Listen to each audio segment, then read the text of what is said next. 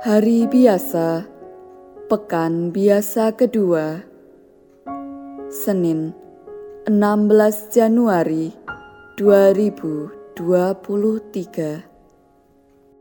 Bacaan pertama Bacaan diambil dari surat kepada orang Ibrani bab 5 ayat 1 sampai 10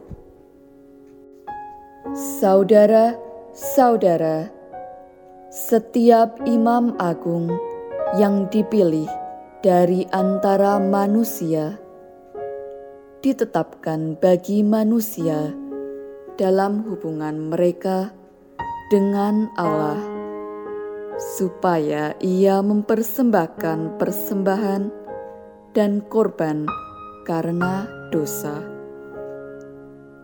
seorang imam agung harus dapat memahami orang-orang yang jahil dan orang-orang yang sesat, karena ia sendiri penuh dengan kelemahan.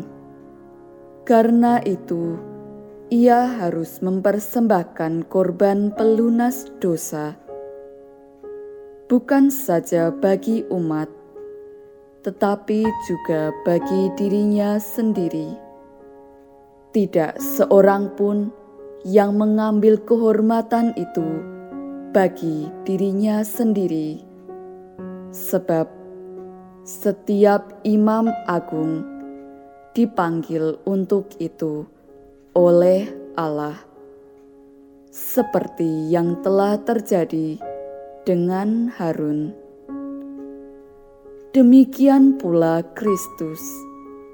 Ia tidak mengangkat dirinya sendiri dengan menjadi imam agung, tetapi diangkat oleh Dia yang bersabda kepadanya, "Anakkulah engkau, pada hari ini engkau telah kuperanakkan."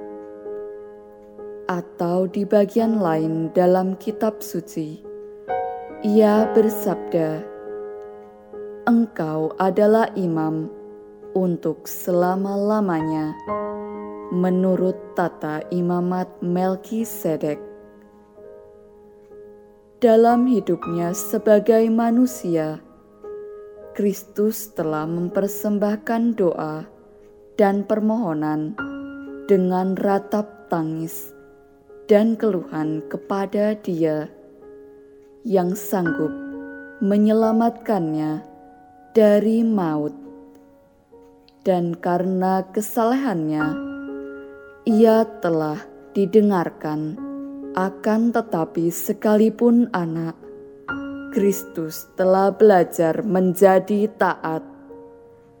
Ini ternyata dari apa yang telah dideritanya dan sesudah mencapai kesempurnaan, ia menjadi pokok keselamatan abadi bagi semua orang yang taat kepadanya. Dan ia dipanggil menjadi imam agung oleh Allah menurut tata imamat Melki Sedek. Demikianlah sabda Tuhan.